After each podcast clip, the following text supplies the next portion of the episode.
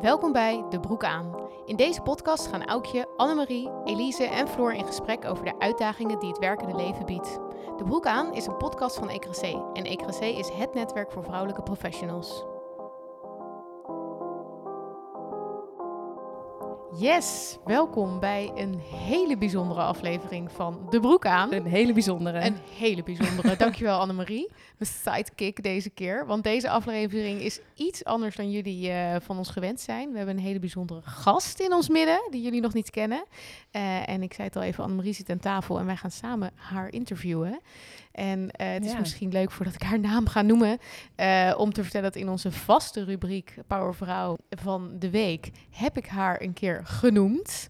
Dus uh, ja, dat wist je niet, hè? Ja. Ja, dat was toen jij een, een, een tv-optreden had. Dus ik ben een beetje starstruck, zoals jullie begrijpen. Want wie zit er bij ons aan tafel? Seizoen 2, aflevering één of twee was dat, denk ja, ik. Ja, zoiets. Nou, mensen kunnen terugspoelen. Ja. Maar wie zit er dus bij ons aan tafel? Iedereen is vol spanning. Het is Hanneke van der Werf. Hallo Hanneke. Hallo, goedemiddag. Hoi. ik vind het een hele eer om hier te zitten hoor. Nou, welkom. Ja, je wist niet dat ik jouw powervrouw heb Nee, genoemd, dat hè? ik kreeg nog even een verrassing mee hier aan het begin.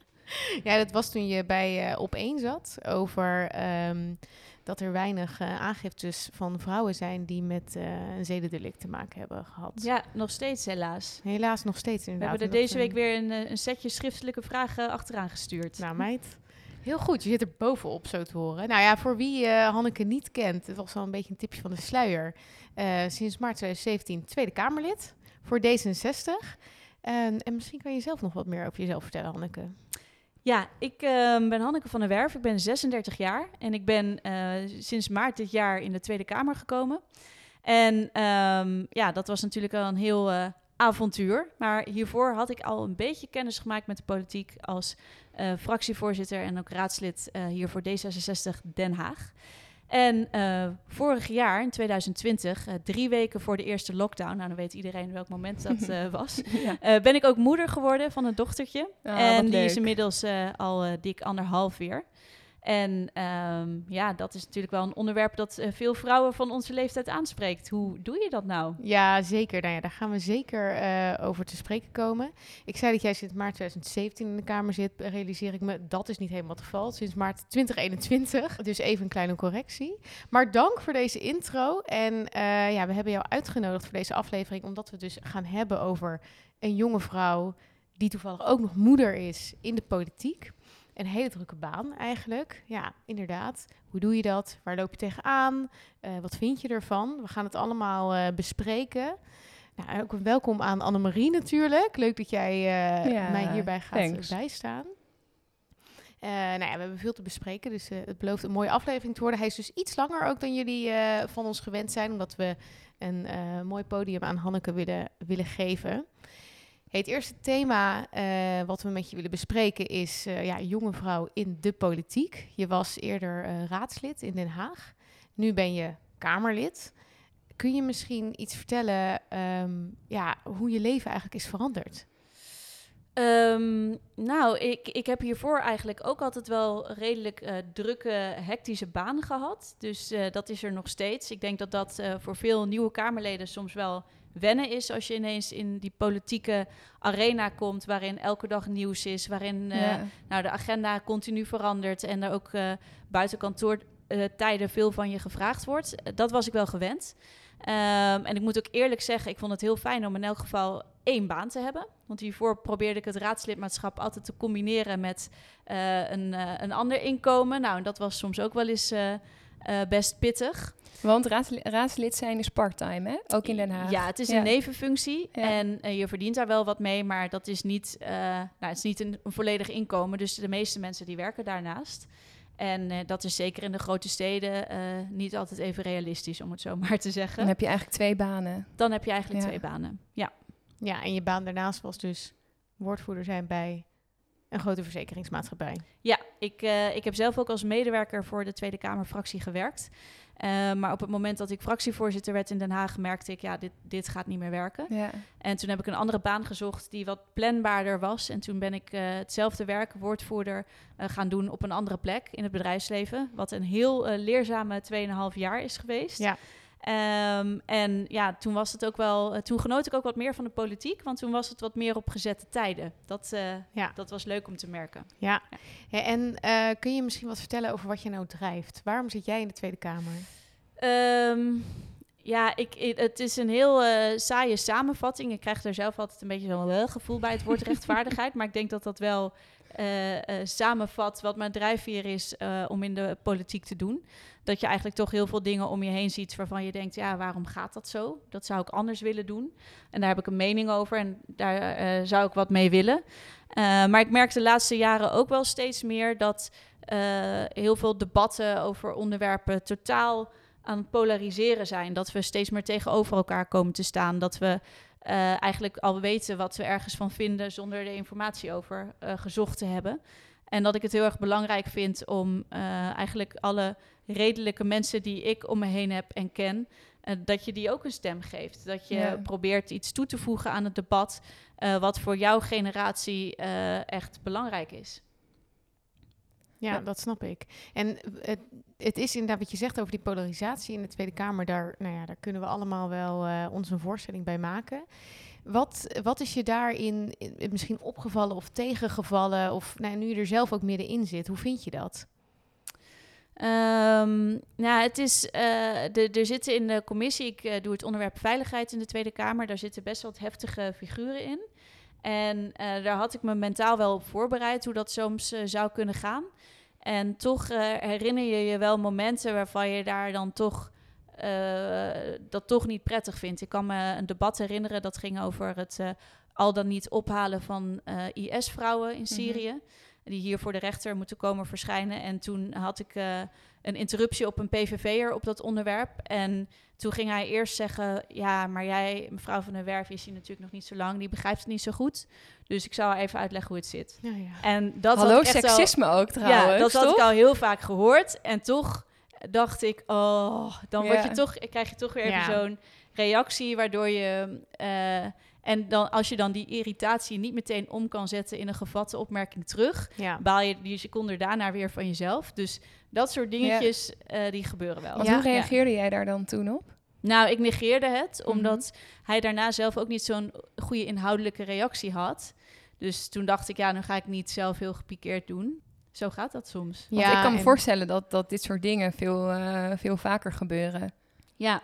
Nou, dit was eigenlijk nog niet eh, eh, een van de ergste voorbeelden hoor. Ik kan me nog heel goed herinneren toen ik eh, kandidaat was voor de gemeenteraad. Toen zat ik Mhm. de dag voor de verkiezingen, zat ik bij Radio 1.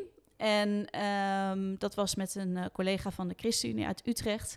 En vlak voor de uitzending begon, toen zei de presentator tegen mij... Ben jij met Alexander Pechtold naar bed geweest of zo? Dat je zo hoog op de lijst staat. En ik zat Bizar. echt flabbergasted Ja, op de stoel. Maar net voor de. En toen, eh, het was gewoon Radio 1. En toen Ja. gingen we live. En ik was eigenlijk nog een kwartier of twintig minuten... zat mijn hartslag echt helemaal Ja. zo... omdat ik woedend was over die opmerking. Ja. Ja. Maar ook dacht, ja, ik heb mijn hele voorbereiding uit mijn hoofd geleerd. Het was hartstikke spannend voor mij om, om tussen de middag live op Radio 1 te zitten... een half uur. Dus ja, ga je dat dan gebruiken om ruzie te maken daarover? Ja. Of kom je met je verhaal? En dat zijn dilemma's Ja. eh, waar je dan wel tegenaan loopt van hoe, hoe ga je daarmee om? Ja. En toen ik het later aan mijn eh, baas vertelde, toen zei hij, je had weg moeten lopen en dat pik je toch niet? Dus dan voelde ik me daar weer suf over. Ja, maar ja, goed, ja. Zo gaat dat. Achteraf denk je altijd, oh, had ik dat maar gezegd, had ik zomaar gereageerd. Ik moet je, ik, ik, je kan je ook niet voorbereiden op dit soort opmerkingen. want dit Nee. is ook wel gewoon echt crazy Dit als iemand dat ver. zegt. Ja. heel ver. Ja, want eh Annemarie refereert er al even aan. Je werkt nu natuurlijk als vrouw in nog steeds wel overwegend mannenbolwerk. Maak je ook, wat maak jij mee als het gaat om seksisme en dat soort zaken in de politiek? Nou, kijk, op dit soort eh, uitzonderlijke opmerkingen na gaat het over het algemeen ehm, wel goed in de zin van dat ik veel vrouwen eh, om me heen heb, ook in die commissie. Eh, eh, die commissie Veiligheid, daar zitten meer vrouwen dan mannen. zijn ook allemaal hele leuke vrouwen. Dat, Ja. Dus dat, dat maakt het samenwerken ook heel prettig en makkelijk. En ja, ik, ik ben zelf niet zo van de lijn dat het per se 50-50 moet zijn. Maar ik merk wel dat het goed is voor de sfeer als die verschillen niet te groot zijn in representatie. Ehm, ik denk wel dat ik me daar als vrouw wel bewust van ben. Eh, dat je niet de hele tijd op je vrouw zijn wil profileren. Omdat ik het belangrijk vind dat mensen weten wat ik te zeggen heb. Ja. Dus ehm, ja, dan let je er toch wel net iets meer op wat je aantrekt. Of hoe je je presenteert. Ehm, En eh, ja, dat is soms wel een struggle. Want je wil, ja, in ieder geval laat ik het voor mezelf spreken. Ik wil ook niet een geheel grijze muis worden. eh, waar je niks, waar geen franje meer aan zit. Mhm. Maar je wil ook niet dat het alleen maar over jou als persoon gaat. En, en dat is, daar zit natuurlijk een heel groot grijs gebied tussen. En soms dan kies je een bepaalde tint grijs waarvan je achteraf denkt... oh, had ik wel Ja, anders willen doen. ook Ja. omdat het Beide geen, kanten op, overigens. omdat hetgeen wat je bent, neem je natuurlijk ook mee Ja, in en, de politiek. en ook, de, kijk, er wordt van politici natuurlijk... eh, eh, wil- mensen willen altijd dat politici helemaal authentiek zijn en zichzelf zijn en daar genieten ze van. Maar tegelijkertijd, als je dat doet, zeker als vrouw, eh, is daar ook weer heel veel ophef over. Ja, als je te Ja. authentiek of te authentiek bent, ik haal even aan, aan, Ja. aan eh, hoe noem je dat? Eh, ik steek even mijn vingers op voor de, voor de luisteraar. ik zet het tussen haakjes. En dan word je daar als vrouw, denk ik, of dan kan je daar als vrouw heel snel voor worden afgestraft in, in de media. ja, Terwijl dat super zonde is en totaal onnodig is. Nou, en ik denk ook dat het ook al een generatieding is. Hè? Er zijn natuurlijk heel veel mensen voor ons opgegroeid met een beeld van politici... dat het allemaal oudere grijze mannen zijn in een pak. Ja. Ja. En eh, nou, er zitten nu steeds meer Kamerleden in de Kamer, ook veel twintigers... die er niet meer zo uitzien. Ook de mannen niet, overigens. Ja. Nee. En er is natuurlijk altijd een bepaald gedeelte bij de bevolking... Bij, waar dat weerstand bij oproept. En eh, tegelijkertijd is het ook wel fijn om zo'n generatie om je heen te hebben. Want je bent dus niet de enige die anders is. Ja, nou en ik vond het ook heel, heel tof dat je net zei van eh, dat in die commissie veiligheid ook heel veel vrouwen erin zitten. Zoek je ook andere vrouwen dan eh, bewust op, bijvoorbeeld voor een debat of voor een, een lastige bijeenkomst? Ehm, nou, ik merk wel dat je met andere vrouwen eh, op um, meerdere dingen kunt levelen. Omdat je dan Mhm. toch wel aan elkaar vraagt van... oh, hoe vind jij het nou hier? En dat je dat soort persoonlijke vragen iets makkelijker aan elkaar stelt. Omdat ik denk dat je van elkaar weet... dat je vaak meer hebt moeten overwinnen dan je mannelijke collega's om daar te zijn. Ja, En dat is toch een soort van onuitgesproken waarheid die je van elkaar wel in de smiezen hebt. Welke politieke kleur dat ook is. Je weet gewoon, oké, die ander die heeft ook wel een paar battles moeten fighten, op welk vlak dan ook. En dat schept ergens wel een band. ja, ja, mooi. Dat zeg je denk ik heel mooi. Ja, zijn er, eh, heb jij eh, bepaalde ideeën over hoe we dat... Ja, want het aantal vrouwen is natuurlijk nog wel lager dan mannen in de politiek. Hoe dat doorbroken moet worden. Ehm, nou, ik denk dat het in, in, op de eerste plaats ehm, wel wat makkelijker gemaakt mag worden voor iedereen om die politiek niet 24/7 door te laten draaien, zeven Ja. dagen per Ja. week. En eh, met de komst van eh, mobiele telefoons met een miljoen apps erop, eh, is dat natuurlijk niet makkelijker geworden. En ik denk dat ehm, of je nou vrouw of man bent en kinderen hebt of geen kinderen hebt, dat is natuurlijk een werkdruk die niemand heel relaxed vindt. Nee. Op de paar mensen na die dat, die dat echt heel, heel prettig vinden. Ja. En daarnaast komt natuurlijk ehm, het afbreukrisico dat mensen steeds meer voelen, omdat je als persoon in de media komt, ook op social media komt te Ja. staan. En ehm, ja, niet iedereen heeft daar zin in om, om zo kwetsbaar te zijn. Want hoeveel uur ben jij per week bezig met de Tweede Kamer, met je baan? Nou, het, dat, is, dat is lastig te tellen, Mhm. maar het is zeker een fulltime job. Alleen ik, je, je eh, besteedt hem niet binnen de klassieke fulltime job uren. Nee. Eh, ik ben zelf ehm, eigenlijk altijd dinsdag tot en met donderdag eh, overdag in de Tweede Kamer. En meestal ook een van die drie dagen wel een avond. Ehm, maandag probeer ik op werkbezoeken te zijn, maar ben ik ook wel vaak debatten aan het voorbereiden of nou, gesprekken met, met mensen uit de veiligheidssector aan het voeren, dat Ja. soort zaken. Je hebt vergaderingen met medewerkers en dergelijke. Vrijdag ben ik eigenlijk in principe thuis bij onze dochter. En ehm, in het weekend ja, doe ik ook geregeld wat voor de Kamer. Ja. Maar dat, eh, dat is niet dat je daar dan een hele dag aan kwijt bent. Maar ik wil niet op maandag met een enorme bak mail beginnen. Dus dan... eh, Dan ja. moet je wel op zondag eigenlijk al je mail en op zaterdag je mail hebben gedaan en voorbereiden en, En eh, stukken lezen. werk verrichten. Dat, ja. dat is toch ook wel fijn. Als je je stukken niet, niet, niet voor op maandag nog niet hebt gehad, dan moet je dan weer in je werkweek daar een moment voor zoeken. Ja. En in de praktijk is eigenlijk dat het er niet van komt, omdat er altijd extra debatten bij komen. Er komen altijd mediaverzoeken bij. Er is gewoon heel veel niet planbaar werk. En Ja. dat maakt het denk ik eh, best een pittige baan. Niet zozeer dat je gewoon weet, ik moet altijd 60 uur werken. Want het is soms ook hollen en soms stilstaan. Ja. Het is meer dat je dat niet van tevoren kan plannen. Want ik, eh, ik kijk daar natuurlijk iets meer van een afstandje naar, hè, omdat ik zelf niet, eh, nou, ik werk niet in de Tweede Kamer en eh, ik werk bij de overheid. En af en toe dan, dan, dan kijk ik naar, naar hoeveel werk je als Kamerlid hebt en wat een ja, red race het eigenlijk is met elkaar. Dat me dat gewoon helemaal beknel, be- ja, beklemt, beknelt. En eh, dat ik al bijna stress krijg van het idee Van hoe druk jouw baan hoe is. druk je baan is. Ja, en zou je dat, zou je zeggen van ja, dat moet minder. We moeten bijvoorbeeld niet meer tot vier uur s'nachts debatteren als het niet echt een spoed, spoed, spoed, spoed, spoed debat is. Ja, ik denk dat het ehm, heel erg zou helpen als we met elkaar zouden durven afspreken om die gez- ongezonde werktijden gewoon niet toe te staan. Ja, Uh, maar je merkt ook dat veel partijen dat moeilijk vinden, want die zijn bang voor het frame dat politici lui zijn of eh, zakkenvullers. Ja. Ehm, terwijl je eigenlijk nu ziet dat het tegenovergestelde gebeurt. Sommige mensen werken zo hard, zijn meerdere voorbeelden te noemen, eh, dat ze uitvallen. ja. En daar hebben hun kiezers nog minder aan. En tegelijkertijd, ik denk niet dat het de enige oplossing is. Eh, er zijn natuurlijk steeds meer partijen in het, in het bestel. We zitten nu met 18 partijen in de Tweede Kamer. Eh, ik had voor het reces een keertje eh, koffie gedronken met Caroline van der Plas, die het Ja. in haar eentje doet, maar ook met Sylvana, die het in haar eentje doet. En toen ik hoorde hoe hun week eruit zag, ja, daar word je gewoon een beetje bang van. Mhm. En zij zeiden ook dat ze het best moeilijk vonden om eh, die keuzes te maken. Want ja, ga je naar een debat over corona, over gas in Groningen. eh, of over eh, een- ander spoedding wat die week speelt. Ja, kies maar. ja, Ja. en dat is eigenlijk onmogelijk om eigenlijk daar een goede keuze in te maken. Ja. En, en ik heb dan nog de relatieve luxe dat ik in een fractie met 24 eh, mensen zit. Eh, en tegelijkertijd merk je ook, hè, als je de tweede partij van Nederland bent, dan verwacht je achterban iets van je. Dan krijg je meer verzoeken om in de media te komen, om ergens op te reageren. ja. Voel je je moreel verplicht om bij alle debatten aanwezig te zijn. Ja, ik denk dat deze werkdruk is wel een mooi bruggetje naar het volgende thema wat we eigenlijk met je willen aanstippen. Dat is namelijk ehm, dat jij natuurlijk ook een jonge moeder bent. Je vertelde al even dat je een, een dochtertje hebt ehm, en je woont samen met je vriend.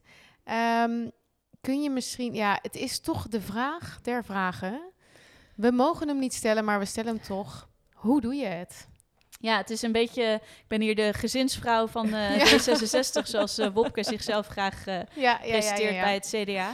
Ehm, nou ja, ik, ik denk, ik vind het heel leuk dat jullie die vraag stellen, want eh, ik denk eigenlijk dat er te weinig over gesproken wordt. Want, want eh, hoe makkelijker dit onderwerp wordt, hoe minder taboes er ook misschien zijn om het makkelijker te maken.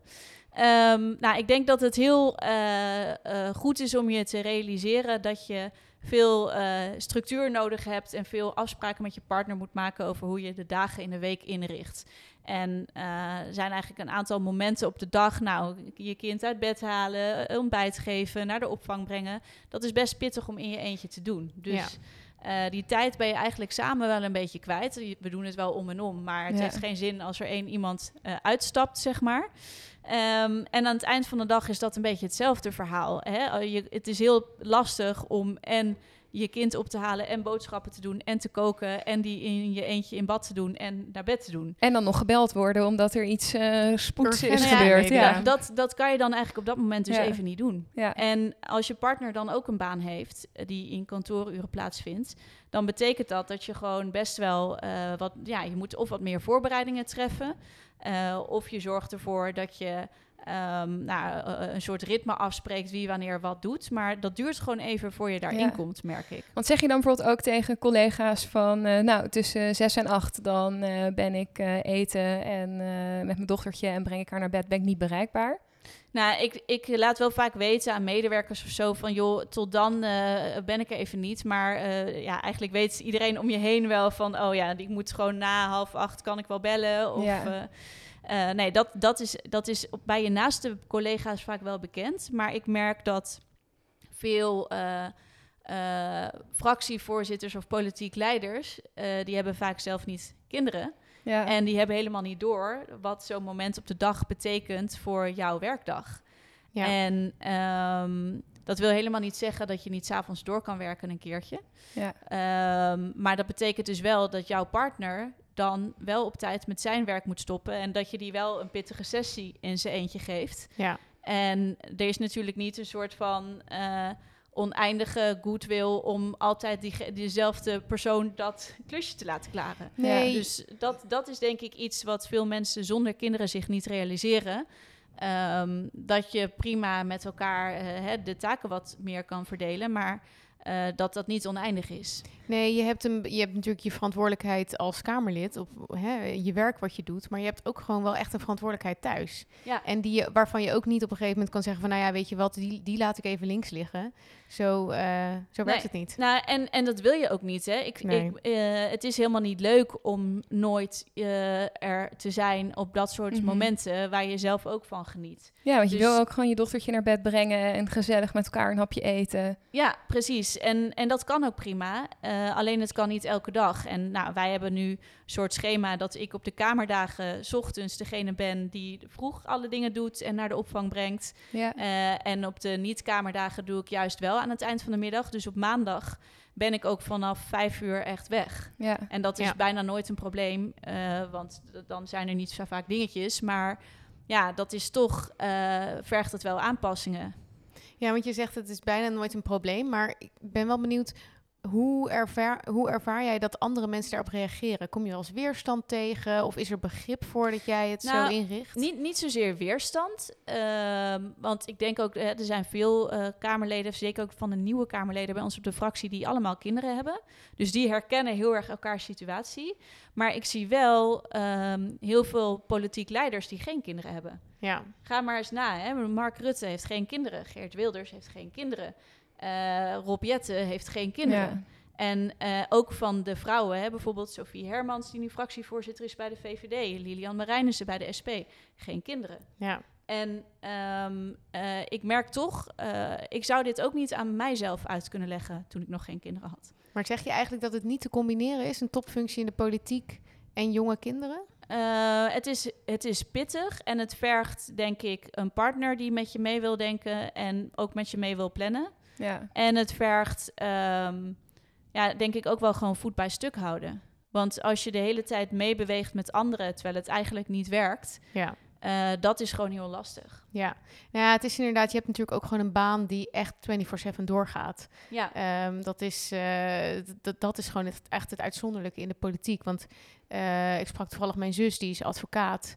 En zij heeft een, ook een jong kindje, een zoontje, ongeveer van dezelfde leeftijd als jouw dochtertje. En ik, ik vroeg ook eens aan haar van, joh, hoe ervaar jij dat? Of ervaar je nou weerstand? Of hoe reageren mensen?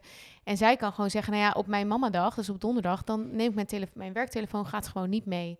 En ehm, ik, ik reageer gewoon niet. Ik reageer op momenten dat het mij uitkomt. Maar ja, dat is natuurlijk ook wel echt een andere eh, omgeving. En zij zei ook wel, want we hadden het erover, ja, hoe komt dat nou? Ehm, zij zei ook wel, ik werk ook wel met heel veel mensen, een beetje, eh, nou ja, net zoals wat jij zegt, Hanneke, ehm, die ook zelf kinderen hebben. Dus die daar ook gewoon wat Ja. meer begrip voor hebben. Ja, dat is wel grappig, want ik heb zelf natuurlijk ook een tijdje in de advocatuur eh, gewerkt Oh ja, op ja. de Zuidas. Ja. Hè? En dat, eh, eh, nou, ik weet niet waar je zus Nee, werkt. mijn zus werkt wel op een, het is wel een groot advocatenkantoor, maar niet op de Zuid. Ja. Het is wel echt een andere mentaliteit, om het zo maar te zeggen. En daar zag je, in ieder geval op de Zuidas, zag je dat alle partners, hè, dus de, nou ja, in de advocatuur de lijsttrekkers dan, zo Ja. gezegd. Ja, die waren voor het grootste deel man. Ehm, hadden wel kinderen, maar hadden een vrouw fulltime, hebben een vrouw fulltime eh, of misschien parttime thuis zitten, die vol de zorg op de kinderen eh, op zich nemen. Vaak ook niet thuis voor het avondeten, in het weekend misschien wel thuis, maar eigenlijk altijd aan het werk. En dat ook vragen van de generaties Ja. onder hen. En ook vragen van ja, vrouwen die 30 zijn en misschien net een babytje thuis hebben of dat heel graag willen. En je hebt dan toch best wel de dynamiek van take it or leave it. Dat je, je moet of meegaan in in de red race. de red race Ja. of je moet weggaan. En je ziet daar wel een kentering. Dus er was op een gegeven moment is er wel ook een vrouwelijke partner dan geweest die zei tussen zes en acht ben ik gewoon niet, eh, ben ik niet, te ben ik niet te bereiken, want dan ben ik met mijn kinderen. Maar aan de andere kant draaide die af en toe ook wel gewoon all-nighters, zoals ze dat dan daar zeggen, eh, op kantoor. Dat je gewoon 24 uur op kantoor bent. En Ja. eh, de volgende dag weer doorgaat. Gewoon Wow. niet slaapt en, eh, en keihard doorbeukt. Ja, ik, ik vind. ehm, eh, ik denk dat je eigenlijk naar een situatie toe moet waarin we elkaar niet meer zo opjagen om aan die vaste werktijden vast te houden. Ik hoop ook dat veel werkgevers hebben geleerd van die coronatijd, waaruit Ja. eigenlijk bleek, grofweg gezegd, dat de meeste werknemers thuis minstens even hard werkten als op kantoor. Ook al deden ze tussendoor de was of gingen ze een rondje hardlopen. En ik denk dat als je dat vasthoudt, dat het voor zoveel mensen, ook mannen, makkelijker wordt om werk en kinderen te combineren. Ja, Eh, dat het eigenlijk heel erg zonde is dat we zelf in een soort eh, denken zitten van als je niet vijf dagen per week minimaal van 9 tot 5 op kantoor bent, dan doe je niet mee voor de, voor de hoofdprijzen. Ja. En dat is denk ik echt onzin. Ik denk ook niet dat eh, talent van mensen zich alleen maar uitbetaalt in een bepaald aantal uren of bepaalde beschikbaarheid. En volgens mij is dat een heel groot ding waar werkende ouders tegenaan lopen. ja. Ehm, en eh, misschien ook wel een reden waarom veel mensen zeggen: Nou, ik vind een fulltime baan toch te pittig om te combineren. En dat is niet omdat ik geen zin heb om fulltime te werken of omdat het me niet boeit, eh, maar omdat het gewoon in de praktijk te lastig is om vol te houden. Ja, het is inderdaad een beetje een, wat dat betreft misschien achterhaald idee dat een fulltime baan is maandag tot en met vrijdag van 9 tot 5 continu werken. Want jij zegt terecht, ja, ik ben op vrijdag met mijn dochtertje en daar wil je ook tijd mee besteden. Maar ik denk dat we het allemaal eens zijn aan deze tafel dat jij niet een parttime baan hebt. Maar het is gewoon, ja, het zijn andere tijden. Ja, ik denk, ik denk dat dat eh, echt een, een soort eh, typische discussie is die steeds terugkomt. Ik zag deze week eh, Sander Schimmelpenninck op zijn stokpaardje bereiden dat eh, de Nederlandse vrouw eh, die maar parttime ja, een beetje met de Franse slag haar baan doet. De deeltijdprinsesjes. De deeltijdprinsesjes. Nou ja, kijk, feitelijk gezien heeft hij natuurlijk wel gelijk dat er in Nederland heel veel vrouwen zijn die deeltijd werken. En ik denk ook dat het heel goed is om eens te kijken hoe zou je dat aantal werkende vrouwen nou eh, meer uren kunnen laten werken. En of dat nou 36 of 40 is, dat Ja. vind ik allemaal niet zo boeiend. Eh, kijk vooral naar wat zou je kunnen doen om dat makkelijker te maken. Ja, En ehm, ik denk dat het misschien ook wel zo is dat heel veel mannen daarnaar snakken. Want ik ho- hoor om mij heen eigenlijk heel veel mannen zeggen van ja, eh, ik vind het eigenlijk nog steeds best kort, dat eh, ouderschapsverlof wat Ja, we nu ja. hebben. Is het, ja, Eh, is het eigenlijk ook wel. En, en ja. misschien vinden zij het wel helemaal niet leuk om fulltime zo hard te moeten werken, terwijl hun partner eh, wel iets minder is gaan doen. Maar zouden zij het eigenlijk ook op een andere manier in willen richten? En volgens mij moet de discussie veel meer daarover gaan, dan dat ieder vanuit zijn eigen loopgraven een schot op de ander doet. Hè? Met de suggestie dat als je als fulltime werkende vrouw minder van je kinderen houdt, en het omgekeerde dat jij als moeder die minder werkt, lui zou zijn. Ja, en de discussie gaat toch veel vaker over wat voor, eh, eh, wat doe jij als vrouw? En het gaat bijna nooit over, hé, maar wat doe jij eigenlijk als man dan, hè? Als jij een, eh, een kindje of een babytje krijgt. Ja, en, en wat ik ook grappig vind om me heen, er zijn een aantal jonge vaders op de fractie. en ik merk dat die daar toch minder met elkaar over hebben. Ja. Oh, en ja? en ze, ze vinden het wel leuk om erover te praten, want ik vraag er best vaak naar: van hoe doe jij dit dan en hoe doen jullie dat thuis? Eh, maar voor mannen is het toch een minder sociaal geaccepteerd eh, verhaal om daar met elkaar eens over te praten. Terwijl zij daar natuurlijk ook dilemma's over hebben en tegen dingen Zeker. aanlopen. En, en mijn beeld is absoluut niet dat de mannen hun vader-duty boring, saai of niet vol te houden vinden. Tegenovergestelde. Ja, Ehm, maar ik denk ook dat eh, mannen daarin in dat opzicht baat hebben bij rolmodellen. Ik kan me mijn eh, vorige baas toen ik bij Egon werkte, die was eh, CEO van Egon Nederland, Maarten Edikshoven. En die had op donderdagochtend of donderdagmiddag, nou, ik weet het niet meer, had hij gewoon zijn papa dingen. Was ja hij er gewoon niet. fantastisch. Ja. En daar werd echt wel over geroddeld, zeker door bepaald slag mannen daar. Eh, maar ik vond dat echt heel tof dat hij dat Ja. deed. Dat je als CEO van zo'n groot bedrijf gewoon zegt... ja, nee, maar nu ben ik eh, met de jongens thuis. En dat het kan. En dat je dus ook met die keuze gewoon een goede CEO kan zijn, hè? Precies. En, en daar heb ik nog nooit iemand over horen zeggen... dat hij een deeltijdprins zou zijn. Ja. nee. Nee, Ja. want hoe, ehm, misschien ook nog wel interessant, ben ik benieuwd hoe je nou ehm, reflecteert op jou, hoe je was voordat je een kind kreeg. Ben je nou echt anders hierover gaan denken? Ehm, nou, ik ben eigenlijk vooral heel erg eh, tijd voor mezelf gaan herwaarderen. Hè, zelfs eh, toen ik heel hard werkte, had je al die tijd dat je niet werkte voor jezelf. Ja. Nou, en als ik Wat daar nu aan terugdenk, denk ik, oh my god. Wat een leven was dat. Nee, maar echt. Ja. En, en ik denk dat dat is gewoon het grootste verschil. Ja. En niet zozeer dat ik daarvoor niet van hard werken hield of de politiek meer of minder leuk vond, maar meer dat je je nu pas beseft eh, eh, hoeveel, waard, eh, hoeveel het waard is dat je eh, momenten voor jezelf hebt. En die kan je prima creëren, maar daar moet je echt even inkomen. Ja, En aan het begin, als je aan het herstellen bent van die bevalling en je zit nog met borstvoeding of flesjes te klooien en eh, je kan nog maar eh, kleine uitstapjes maken, want zo'n baby slaapt een aantal keer per dag. Ja, dan heb je meestal gewoon een tijdsframe van drie kwartier à anderhalf uur dat je iets kan doen. Ja. En als je dat maandenlang hebt, ja. ja. En kan je dan ook kolven in de kamer? Daar ben ik heel ik benieuwd heb, naar. nou, dit is een grappige vraag. Ik heb de kolfkamer ontdekt. Ja, Eh, ja, het is gewoon een, een soort. eh, Washok. Ja, het is een hok waar de vloerbedekking een beetje los lag en nog wat lamellen in de hoek eh, stonden opgesteld. Nou moet ik zeggen dat het hele kamergebouw ook niet voor de rest picobello is ingericht, maar eh, de, de- het, was niet, het was wel duidelijk dat de kolfkamer niet eh, de prominente, kamer van Ja. de verdieping was. Nee. Eh, die zat ach- achter de vrouwentoilet. Ik dacht wel, nou goed dat er aan is gedacht. ja. Ik weet nog toen ik vorig jaar na de zomer weer was begonnen in het stadhuis, dan zat ik s'avonds tussen de raadsvergadering door te kolven op de fractiekamer. ja. En dan appte ik, niemand mag nu binnenkomen, ik ben aan het kolven. ja en dat dan- is helemaal niet fijn nee, natuurlijk. en we hadden dan een medewerker die dan een beetje zo bangig zo'n potje moedermelk uit de koelkast pakte voor die dan bij zijn- zijn biertje kon. Maar dat, dat was echt, als ik nu terugdenk, denk Ja. ik echt, oh my god, ik heb dat allemaal gedaan. ja. En Ja. op dat moment denk je gewoon, ja, ik wil het gewoon, ik ga het gewoon op mijn manier doen. Ja.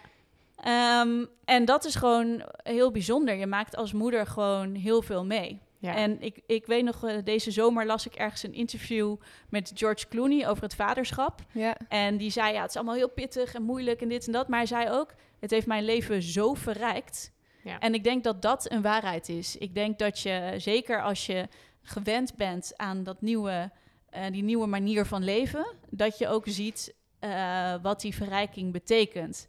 Ja. En het is heel moeilijk om dat uit te leggen als je dat niet zelf meemaakt. Nou, je ontwikkelt je ook weer, denk ik, op persoonlijk vlak. Omdat je weer een hele andere rol op je neemt dan die je had toen je geen kind had. En eh, Ja, nou ja, op zaterdag lekker kon En- doen en later waar je zelf zin in had. Ik denk inderdaad, mensen zonder kinderen realiseren zich, denk ik, gewoon eigenlijk helemaal niet hoe een dag van iemand met een kind er, nee. eruit. Maar het is inderdaad ja, een enorme verandering. Maar ook, ik vind het ook mooi dat je zegt, het is, nou, het voorbeeld van George Clooney, het is ook echt een verrijking. Je moet op een gegeven moment alleen wel, ja, zien dat je een andere manier van leven aangaat. En dat dat... eh, En die draait gewoon minder om jou. Ja, En, en, en ik denk dat het heel erg belangrijk is eh, dat je samen met je partner elkaar die dingen gunt. ja. Ik was gisteren een hele dag weg. Toen hadden we D66 bijeenkomst eh, van de partij ergens midden in het land. En dat betekent dus dat mijn vriend van 7 tot 7 Janne Ja. heeft gedaan, zeg Ja. maar. ja. En dat is 12 uur. Dat is gewoon een pittige sessie. Ja. Ja. En eh dat betekent ook dat ik eh, al even kijk van de komende week. Oh, wacht even. Woensdagavond ben ik sowieso niet in de kamer.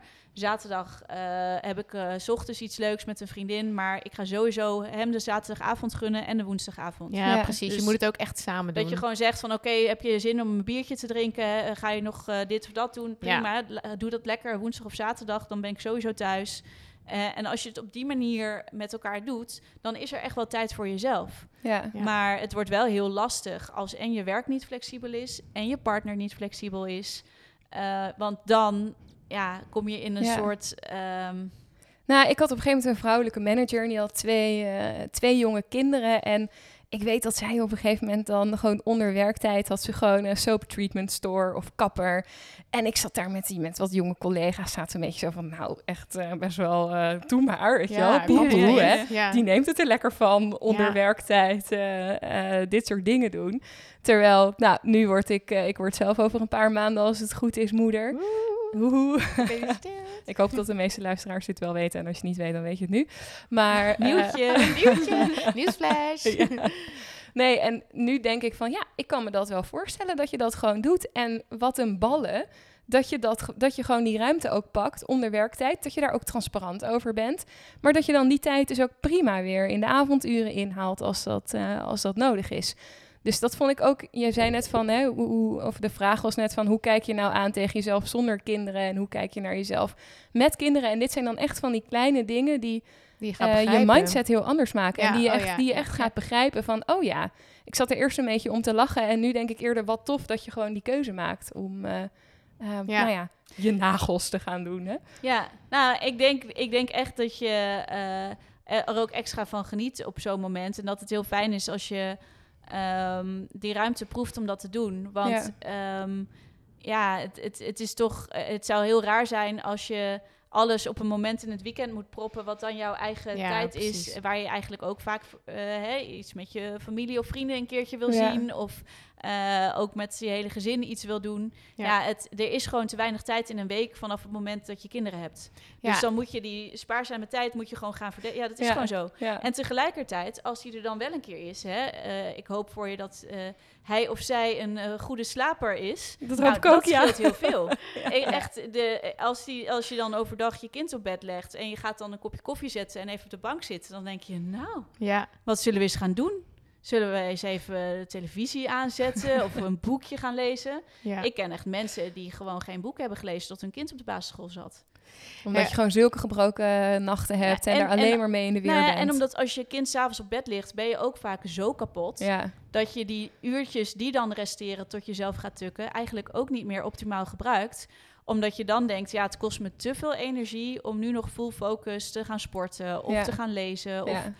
Dus ja, Ik kan me heel Ja. goed voorstellen dat je op een gegeven moment gewoon om negen uur zegt... yo, ik ga ook lekker naar bed. ja. nou Ja, ja, als je kind 's ochtends om zes uur wakker wordt, is Ja. dat, eh, hè, Ja. is dat eh, Annemarie, jij benoemde net zo'n zo'n leidinggevende. En dat is eigenlijk wel toch vol- volgens mij denk ik heel erg belangrijk om zo'n soort voor, voorbeeld te hebben. Dat is ook een beetje, Hanneke, wat jij vertelde over je oude baas eh, bij Egon. En dan kom ik bij het laatste thema waar ik nog kort even bij stilstaan. Dat is rolmodellen. Ehm, we hebben het hier vaak wel over, over representatie van vrouwen in de politiek. En ehm, nou ja, wat voor voorbeelden heb je eigenlijk en hoe belangrijk is dat? Ik ben ook wel benieuwd, wat, eh, ja, hoe kijk jij naar rolmodellen? Is het belangrijk voor jou? Heb jij bepaalde rolmodellen? Ja, ik vind het heel belangrijk. Ehm, ik weet nog heel goed toen ik eh, hier in Den Haag de, de fractieleider van D66 eh, Den Haag dan. En eh, toen was ik de jongste van de vrouwen en de rest van de vrouwen die had op één na kinderen. Oh ja. En eh, dan kreeg ik wel eens wat mee over wat dan onhandig was voor hun of hoe dat dan thuis ging. En daar was ik wel nieuwsgierig naar. Het was niet zozeer dat ik helemaal begreep hoe dat nou zat, maar ik dacht wel elke keer, oh, ik moet nu even opletten, want ze vragen mij iets en dat is waarschijnlijk niet voor niks. En toen werd ik op een gegeven moment zelf zwanger, toen ik ook in die fractie zat. Ja. Eh, en ja, dan is het toch heel leerzaam dat er mensen zijn die je een handige tip kunnen geven. Ja. Ja. En een van die mensen met wie ik altijd he- met heel veel plezier heb samengewerkt en die me er ontzettend veel over heeft verteld, is Fonda Sala. Zij is zelf moeder van eh, drie kinderen. En ze zei ook, ja, ik heb er precies vier jaar tussen laten zitten. Gewoon naar de basisschool en dan kan je weer eh, aan de volgende beginnen. Dus die wist altijd op Ah, een ja. hele humorvolle en praktische manier te vertellen hoe zij het had aangepakt. Wel altijd ook gewerkt en daarnaast ook altijd dingen voor haar omgeving gedaan. Ja. En dat vind ik heel erg leuk en inspirerend om te horen. Ja. Eh, want eh, hè, de hamvraag die dan vaak wordt gesteld van kan het wel een carrière en een kind? Ja, dat kan. Maar ik denk dat het vooral heel veel helpt als je iets vaker naar elkaar luistert. Naar wat zit er nou eigenlijk achter een probleem? En met welke kleine moeite kan jij een ander helpen om het makkelijker te maken? Bijvoorbeeld een vergadering op een ander moment inplannen. Ja, of, of niet altijd verwachten dat mensen ergens fysiek kunnen zijn. Ja. Of eh, iets over de app afdoen in plaats van eh, over, eh, op, op een andere manier. En ik moet wel, daar moet ik ook Rob Jette wel echt een complimentje over geven. Eh, hij is daar ook wel echt eh, toe bereid. En eh, nou, ik, ik heb wel een paar keer gezegd van... joh Rob, weet je wel dat het best lastig is voor mij om puntje, puntje, puntje... Mhm. En op een gegeven moment zei hij een beetje zenuwachtig... ja, Hanneke, er zitten allemaal nieuwe ouders in de fractie... en ik heb het idee dat ik het nog niet helemaal door heb. Dus laten we daar maar een keer een sessie over doen Ja. met elkaar. Oh, nou dat is wel heel, ook wel weer kwetsbaar en heel open dat hij daar dus de Ja. ruimte, dat hij dat zelf ook ziet, inderdaad. Zeker. En, Ja. en dat is wel heel erg fijn. Ehm, eh, ja, dat je gewoon, eh, nou ja, in ieder geval je beseft dat mensen niet. Het is bijna nooit zo dat mensen eh, uit het niets maar iets verzinnen. Ja. Nee. Dat is dus nooit zeuren, dan is er gewoon iets. En Ja. sommige mensen zijn dan al best een drempel over gegaan voor ze dat durven te vertellen. Ja. Ja. Nou, en ook supergoed dat er dan dus ook in de fractie wordt gesproken over de dilemma's van jonge ouders. Want daarmee maak je ook weer het pad vrij voor jonge Ja. ouders na jou, hè, die, die misschien eh, zich verkiesbaar willen stellen of een politieke carrière ambiëren. Ja, en ik denk ook dat het heel erg helpt als je om je heen ziet eh, wat dat met mensen eh, die, die, die dichtbij je staan doet, dat ouderschap. En toen ik zelf nog niet zwanger was, zag ik dat ook al wel steeds meer. En dan, krijg je, dan bereid je jezelf daar ook meer op voor. Maar je wordt er ook een aardiger mens van, omdat je je beter in kan leven in de situatie van een ander. Ja, je wordt wat milder, denk Je wordt wat milder. Ja. En eh, ik vond het wel grappig toen eh Rob Jette terug was van zijn zomervakantie. Toen was hij met vrienden die een baby bij zich hadden. En toen zei hij, ja, ze hadden dan bedacht, omdat ik altijd vroeg opsta, dat ik dan de ochtendsessie, Ja, nou. eh, dat ik dan de papdienst deed. Dat woord had ik hem geleerd. ja. Toen zei hij, ja, dat vond ik toch wel pittig. Dan kan je helemaal niks anders doen eigenlijk. Toen zei ik, nee, dat klopt. En dat hebben wij dus zeven dagen per week, Ja. ook tijdens Ja. werk. Oh, Ja, Nou, en dan er- zie ja. je dat mensen ineens zich Ja. realiseren, oh, wacht even. mooi. Ik had Hey. een collega die noemde inderdaad dan altijd gekscherend als ze dan naar huis ging van nou, ik ga nu naar mijn tweede baan. Ah, ja. Gewoon een keihard statement. Van ja, Ja. ik moet nu deze baan verlaten en ik ga nu naar mijn andere baan en dat kan niet tegelijkertijd. Nee. Nee, dat dat eh, is wel een waarheid als een koe. Ja. Hey Hanneke, we gaan eh, zo afronden. Wij hebben een vaste rubriek nog in deze eh, podcast. En dat is Wie is jouw powervrouw? Nou noemde je net al Fonda Sala. Ik dacht misschien eh, eh, geef je daarmee al een tipje van de sluier.